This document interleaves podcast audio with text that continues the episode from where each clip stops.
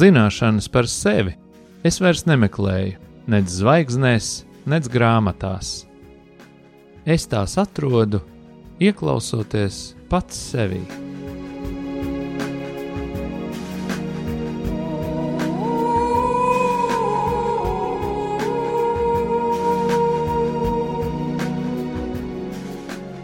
Raidījums Mīlestības terapija top mīlestības mājai, sadarbojoties ar profesionālo pastorālās konsultēšanas asociāciju.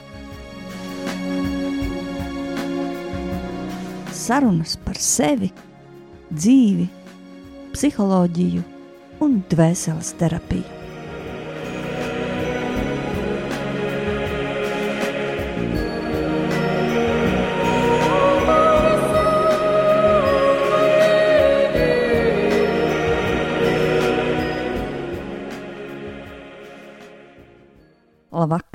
Mīļie radio klausītāji!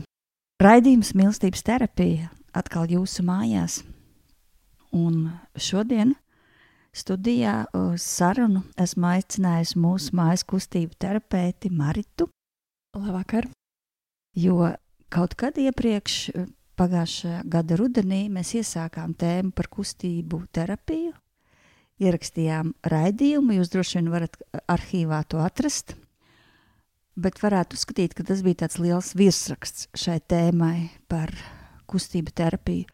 Tāpēc šajā reizē gribētos vairāk parunāt dziļāk kustību terapiju, savienojot ar audzināšanas procesu, ar to, kā mēs varam palīdzēt bērniem, kā mēs varam palīdzēt sev, iet dziļākā kontaktā, izmantojot tieši kustību un kustību terapijas pieeju.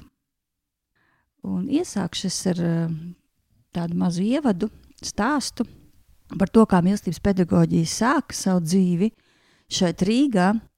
Pirms eh, mīlestības māja, kā izglītības iestāde bija piedzimusi, mēs rīkojām tādas terapeitiskas uh, grupas, uh, tādas terapeitiskas intervences bērniem, kuriem ir dažādas grūtības.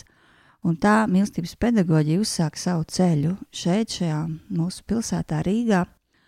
Un arī, kad mīlestības māja jau bija nodibināta kā izglītības iestāde, arī tad vēl terapijas grupas bija dzīves. Šobrīd tas ir palicis kaut kur otrajā plānā, bet nav aizgājis pavisam. Tas uh, zinu, ka briest uh, iznākt ar jaunu spēku. Šis kā, terapeitiskais ceļš attiecībā uz bērniem, jo tas ir ārkārtīgi svarīgs mūsdienās. Un ko mēs darījām šajās terapijas grupās? Mēs organizējām dažādas uh, stūrīšus, stacijas.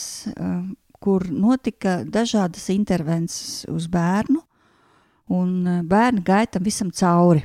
Nu, tā kā pa apli. Kādu brīdi viņi bija mākslas terapijas tādā stacijā, kur piedzīvoja kaut kādu sarunu par sevi caur mākslu.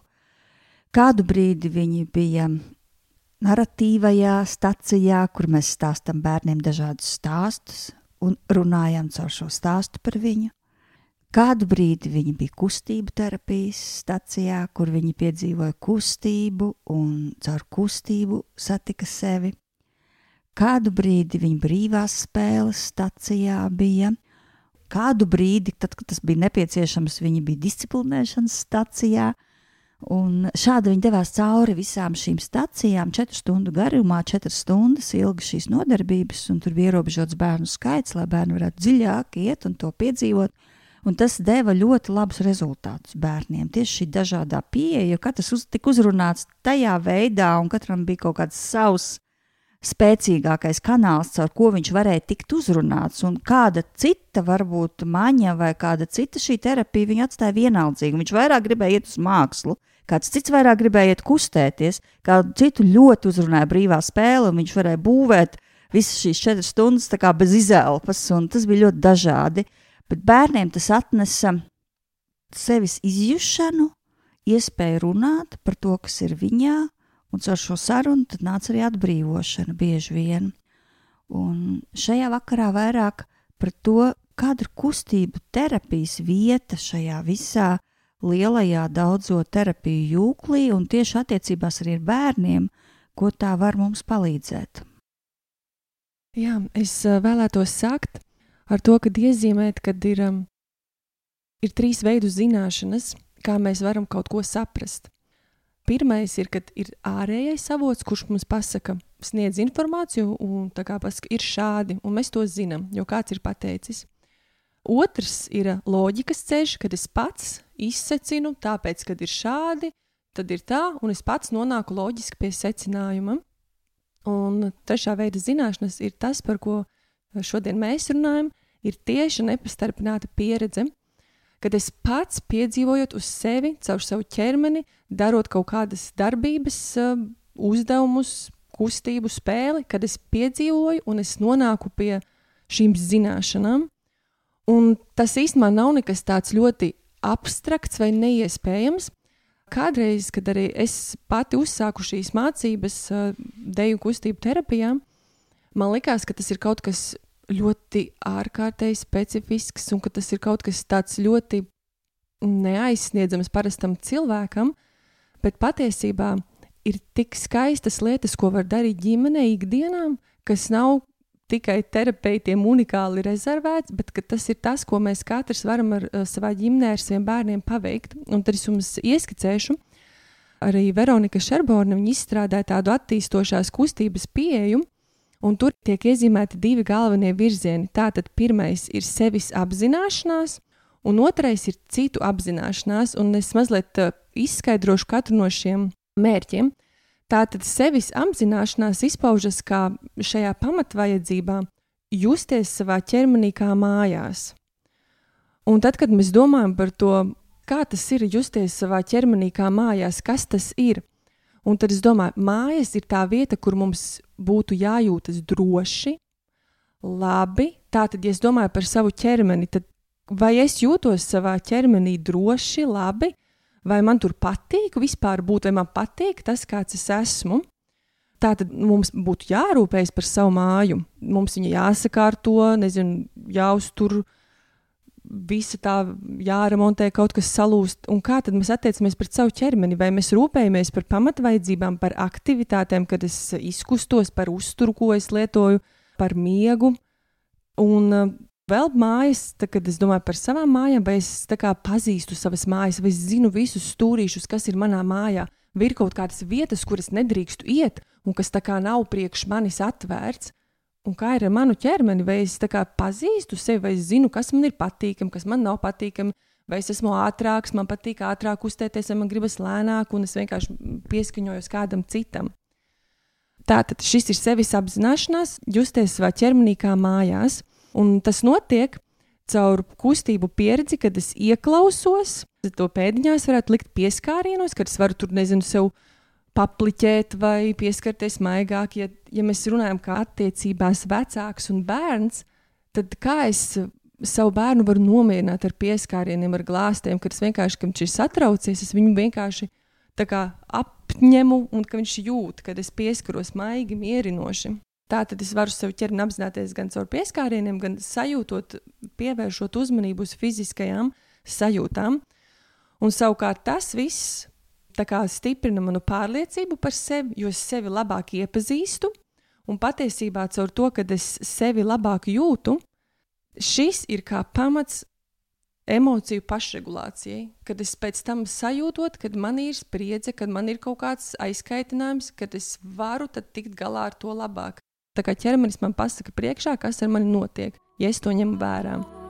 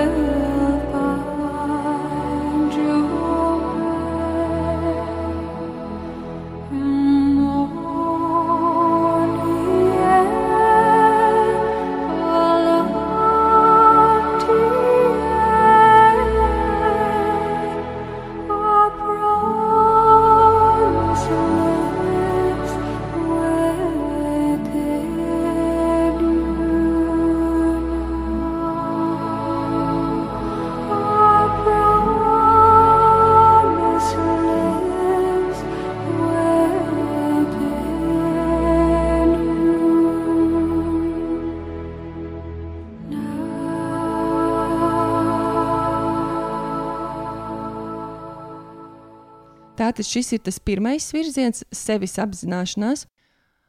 Citu apzināšanās tiek izpausts ar šādu pamatvajadzību, kad spēt veidot attiecības. Mēs esam sociāls būtnes, un to īpaši skaidri mēs izjūtam tagad, cik ļoti mums vajag šo miedarbību, dzīvo miedarbību starp cilvēkiem, un arī ģimenē un bērniem, kad mēs veidojam šīs attiecības, un kā mēs varam veidot attiecības, šo pieredzi savādāku ar bērniem caur šīm kustībām, un tas var notikt trīs dažādos uh, virzienos. Kopā ar bērnu, kur šie uzdevumi un vingrinājumi ir vērsti uz atbalstu un rūpēm, un tas ir sākotnējais, kad bērnam vispirms ir jāsajūt. Tās ir tās zināšanas, ko viņš tiešām nepastarpinātā veidā sajūt, kad es nevis tikai pasaku, es par tevi rūpējos, tu man esi ļoti dārgs, tu man esi svarīgs, tu esi drošībā, bet kad viņš fiziski to piedzīvo, es varētu vienu piemēru pastāstīt, ko es burtiski pirms pāris dienām ar savu trīsgadnieku piedzīvoju. Mēs bijām aizgājuši uz kalnu baudīt šo brīnišķīgo ziemu, ziemas priekus, un um, es vienkārši zinu, cik tas ir forši no tā kalna braukt, un es viņu paņemu sev priekšā. Mēs uz tādas plēves apsēdāmies, lai var kārtīgi viss sasēsties vagoniņā, un es viņu nolieku sev priekšā, un es viņu turu, un es saku, būs forši, būs droši. Mēs braucam, un tas ātrums ir liels. Priekš viņa tas kalns bija liels, pārāk liels, un viņam tas nebija droši. Es viņam saku, būs forši, droši. Viņš saka, nē, mēs nobraucam lejā. Viņš saka, man ir bail, es negribu. Un tad es saprotu, viņš tā kā piedzīvo šo pieredzi. Ir lielais kalns, viņš saka, viņam ir bail. Es viņam saku, nē, būs forši. Bet viņš jūt, ka viņam ir bail. Priekš viņa tas ir par daudz, par ātru, par stāvu. Un tad mēs uzējām augšā un jānokāp lejā. Un viņš man ir bail. Un viņš turās man pretī, un viņš raud, man ir bail. Un tad, ko es darīju, es vienkārši viņu apsēdināju tur uz um, maisiņa, nu, uz tās plēves. Es viņam apstiprinu vārdiski, tu esi drošībā, es tevi sargāju. Jā, tas kalns ir liels, bet es tev esmu blakus. Un tad es viņu tā kā ķermeniski turu, un tad mēs ejam ļoti lēnām no tā kalniņa, tā kā es viņu slidinu uz leju. Un viņš arī fiziski piedzīvo ar savu ķermeni, ka jā, tagad ir droši, tāpēc ka viņš net, nenesās milzīgā ātrumā, bet kad es viņu turu, tas ātrums ir tāds, ka viņš tiešām var sevi savaldīt, sajust, un kad ir droši. Un viņš dabūs šīs zināšanas un šo pieredzi arī fiziski sajūtot, kas sakrīt ar tiem vārdiem. Un tāpēc mums, kā vecākiem, arī, un arī kā skolotājiem, kas strādā, kad pirmais, ko mēs ierodam, ir šo drošību. Un tieši ķermeniski, ko var darīt mājās, kaut vai kad visi to, ko, protams, mēs ļoti daudz ar zīdainīšiem darām, kad viņus mierinot, mēs turam rokās un mēs šūpinam viņus jo tas viņos rada šo drošības sajūtu. Es esmu, viņš jūt mani. Un arī tāpēc šie pirmie uzdevumi ir vērsti uz drošību, ka, teiksim, var sēdēt uz grīdas, bērns ir man atspieties pret mani ar muguru, un es vienkārši viņu apskauju, un es viņu turu, un mēs vienkārši baudām šo drošības mirkli un šo, šo visu, jā, kad es varu sniegt rūpes. Un patiesībā arī tas pirmais, kad mazi bērniņi tikko sāk uh, kustēties, kad viņi sāk vairāk vēlties rāpot, ir tik skaisti, ka vecāki var būt pirmie šķēršļi, kurus ir jāpārvar bērnam. Kad, teiksim, vecāks sēž uz grīdas, un tad bērns var rāpties pār viņa kājām, un viņš jūtas droši. Tāpēc, ka, var, ja kas, vecāks tur ir un viņu pieskatīs, un viņu var pasargāt. Otrs uzdevumu grupam ir daloties ar citiem, kad vingrinājumi ir vērsti uz otra izjūšanu un sadarbību ar otru. Un uh, viss skaistāk to var piedzīvot un izdarīt ļoti elementāri ģimenēm. Mums arī tas ir tā gluži neviļus ienācis mūsu ikdienā, ka tas nav kaut kas ļoti varbūt plānots, bet, piemēram, reizēm uh, vīrs, kad uh, vingro pats, vienkārši bērni pieskrien klāt, un viņi uzlec uz kājām, viņus grib, lai viņus pacelā, un tad kā veidojas jau tā, tā, tā sadarbība starp viņiem, kad vi, viņi sadarbojas, viņi veic kaut kādus uzdevumus kopā, viņus pacelā, viņiem ir tik labi sajust sevi, būt ar tēti kopā. Vai mēs reizēm arī mājās ja ir kaut kāda sega, uz kuras var, teiksim, bērns apsēsties un tad viņu vizināt. Un tā kā vizināt pa māju, pa grīdu slidināt, un kad, eh, vai mēs uzdevumus, ko veicam kopā, kad reizē celties, kur mums jāsjūt vienam otru, piemēram, vai ar mugurām mēs sēžam un mēģinam šūpoties uz vienu uz otru pusi, kad ir kaut kāds uzdevums, ko mēs varam kopā veikt. Ja, piemēram, mājās ir vairāki bērni, var mēģināt tā, ka visi apsēžas rindiņā uz grīdas, un tad paņem kādu bērnu, un tad mēģina ripināt visi sinhroni. Teiksim, mēģina to bērnu vienu ripināt uz priekšu, bet tā, lai tas ir tam bērnam patīkami, bet lai visi darbojas reizē, lai nav tā, ka galva aiziet pa priekšu un kājas atpaliek, bet ka mēs visi darbojamies kopā, tātad mēs meklējam šo sadarbību.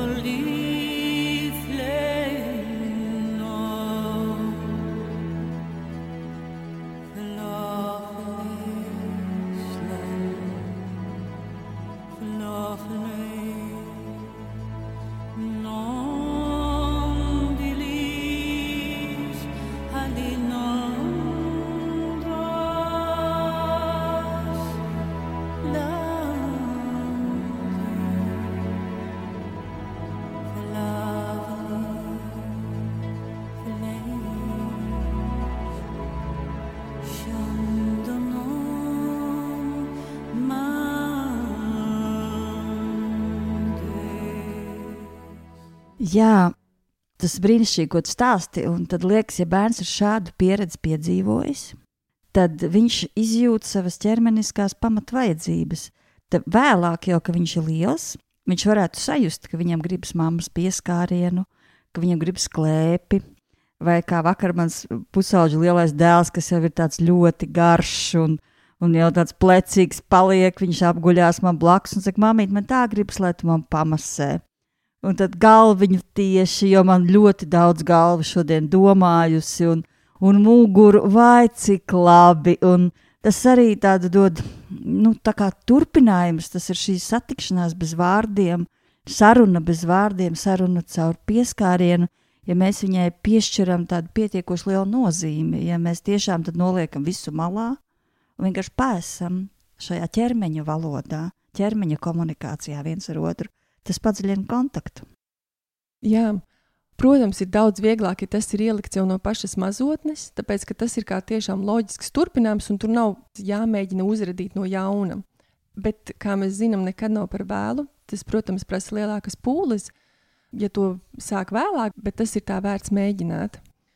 Un um, šis trešais uzdevuma virziens, kad uh, attiecību veidošanā ir uh, vingrinājumi, kas ir uz savu un citu robežu apzināšanos. Un um, es tikai tā pamanīju arī, tieši gatavojoties šim raidījumam, kad es paskatījos uz to, kā mūsu ģimenē ienākuši šie uzdevumi. Kad uh, uzdevumi, kur uh, bērnam tiek piedāvāts sajust savu spēku, nu, piemēram, vecāks ir uh, notupies, un bērnam ir uzdevums viņu mēģināt izstumt no vietas. Viņam ir jāpieliek spēks, lai to vecāku izkustinātu. Un pēc tam otrādi - tad bērns notupjās, un vecāks viņu mēģina kā, izkustināt. Bet tur svarīgi atcerēties, ka tas vienmēr ir kā spēle. Nu, protams, ja mazs bērns viņš man nevar izgrūst, un es esmu liels. Bet tad es nokrītu vienā mirklī, un piedzīvoju tam bērnam, ka viņš tā kā, oh, jā, es varēju kaut ko ietekmēt, kad es, man sanāca. Tā kā man lielais dēls, kuram tagad ir 9 gadi, bija mazs puika, mēs uh, šos uzdevumus visvairāk vīrs ar dēlu darīja, kad viņi cīnījās, kas ir tik dabiski. Tas nav nekas tāds, um, ko es šeit saku brīnums, bet uh, viņam patīk. Viņam patīk sajust tās fiziskās robežas, savu to ķermeni. Vai, kad teiksim, vīrs viņu turēja vai no kājām vai rokām, un viņam ir uzdevums izlīst ārā. Viņš tur reizēm tēlo, ka viņš ir nezinu, krokodils, kurš tur noķērs, un tad viņam jāmūk projām. Un viņam, un viņam tik ļoti patīk kā, dēlam tieši sajust tās um, savu spēku, ka viņam izdodas izmukt ārā. Protams, meitiņa pēc tam pievienojās tieši šim, un viņa arī sāk mukt. Un tas bija tik interesanti, ka mums uh, jaunākais dēls, kad viņš vēl bija tikai, domāju, seši mēneši, viņam bija, viņš vēl nevarēja iesaistīties šajās cīņās. Viņš ar tādu interesi skatījās uz to visu, kas tur notiek, un pilnīgi likās, ka viņš uzsūta sevi šo informāciju, un tagad, kad viņš to var, viņi uzreiz, tajās vingrošanas reizēs, kad vīrs tur vingro, viņi metas klāt, un viņi tagad ir gatavi cīnīties, viņam gribas pārbaudīt savu spēku, un puiši divi tā jau šo visu dara. Un es vienkārši jūtu, ka viņam, viņam tiešām ļoti patīk. Viņi izjūt to savu spēku, izjūt to savu varēšanu, šo pašpārliecinātību. Tas ir brīnišķīgi. Varētu teikt, ka šī ir tāda smalkā komunikācija Jo viens, mēs varam runāt par robežām ar bērniem, izmantojot savus vārdus, mēs varam runāt par mīlestību, izmantojot vārdus, mēs varam sarunāties par to, kā mēs jūtamies, izmantojot vārdus, bet mēs varam kaut ko darīt arī pirms vēl mēs pat runājam, vai apstiprinot to, ko mēs runājam. Mēs varam šādi izrādās par tik dažādām tēmām runāt, neatverot savu muti, bet ķermenis ir tā valoda, kas dziļi iespiež arī bērna zemapziņā, kas pēc tam varbūt viņu vadīs. Un tas ir ļoti svarīgi. Mēs jau iepriekš runājām, ka ķermenim ir sava atmiņa, un tā tad ķermeņa atmiņa vadīs bērnu šādos vai tādos procesos. Ja bērnam ir pietrūkusi šī ķermeniskā komunikācija, šī ķermeniskā valoda, tas var būt liels iztrūkums arī viņa tālākajā dzīvēm ķermenis tā kā tādu tukšumu var nest sevī, un cilvēkam ir grūti komunicēt, izlasīt cita cilvēka ķermeņa valodu, sniegt otram cilvēkam savu ķermenisko pieskārienu kā valodu, un otrādi, ja tu to saņēmis, tad ir ļoti viegli izrunāt to, apstiprināt ar apskāvienu, sajust, ka otram sāp, un intuitīvi no zemapziņas nāk šis pieskāriens, kā mierināt otru. Eh, Tas nav daudz prātā, nebūs jāizgudro un daudz grāmatās gudrās jāizlasa. Tas vienkārši nāks no tevis, jo tava mamma un tētis un tavi brāļi un māsas ir sarunājušies šādā veidā, un tā ir īpaša gudrība, kas tev nākusi dāvanā no tavas ģimenes. Jā, un uh, tad uh, rezumējot, var teikt, ka uh, kustību mēs varam izmantot, lai veicinātu šo uzticēšanos, pašpārliecinātību, un ka tas viss ir tā kā, lai cilvēks spētu veselīgi attīstīties, kad viņam vispirms ir nepieciešama drošība, un viņam ir nepieciešams arī izaicinājums, un tad ir attīstība. Un kā vienmēr, noslēdzot šo raidījumu, dosimies savā sirdsarunā ar Dievu, lūgšanā, un lūgsim par šo mūsu spēju, dāvanu un reizē arī savu ķermeņa atmiņu.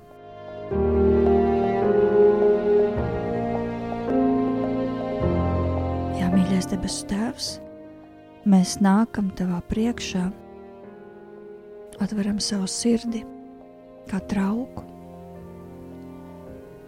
lai Tu to piepildi. Īpaši es gribētu lūgt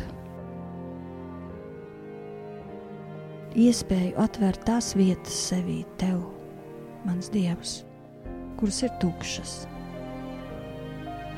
kuras ir izskaltušas, kurās ir nabadzība. Ja tas ir saistīts ar manu ķermeni, ar to, kad ir bijis periods manā dzīvē, kad man nepieskārās, kad man ļoti, ļoti šī pietrūka. Ja tas ir saistīts ar notikumiem, kas ir bijuši sāpīgi manā dzīvē, un man tik ļoti pietrūcis iedrošinoša vai aizsargājoša pieskāriena, tad nāc Jēzu, nāc šajos notikumos, nāc manā dvēseles traukā ar savu pieskārienu, ar savu apskāvienu, ar savu iedrošinājumu. Tā lai es to tagad sajūtu, tā lai es sevi varu piedzīvot un sevi tevī. Jo tu esi mans tētis, un Jēzus māte ir mana māte. Ļauj piedzīvot šo tēva un mātes mīlestību pa jaunam, tās spēkā. Ļauj tai izlabot visas tās kļūdas, ko mani vecāki nespēja man iedot. Un ļauj šai mīlestībai izlabot tās kļūdas, kuras es kā vecāks nespēju savas nabadzības dēļ iedot bērniem. Nāc, kungs, šajā vakarā ar dziļu dziedināšanas žēlastību pie manis, pie manas ģimenes, pie maniem bērniem, visas manas ģimenes sistēmas. Lai Jēzus Kristus vārdā pāraujas šīs nepieskaršanās saites, šīs nepieskāršanās traumas sekas, atsvešinātības traumas sekas, vientulības traumas sekas. Un pagremdē Jēzu mūs visus savās svētajās asinīs, lai tavs svētās asinis šķīstī manu ķermeni, mazgā, atjauno, dara brīvu, ka es varu ļauties jaunam piedzīvojumam, caur pieskārienu, caur būšanu, caur ķermeni. To visu mēs lūdzam Dieva tēva, dēla un svētā gara vārdā. Āmen!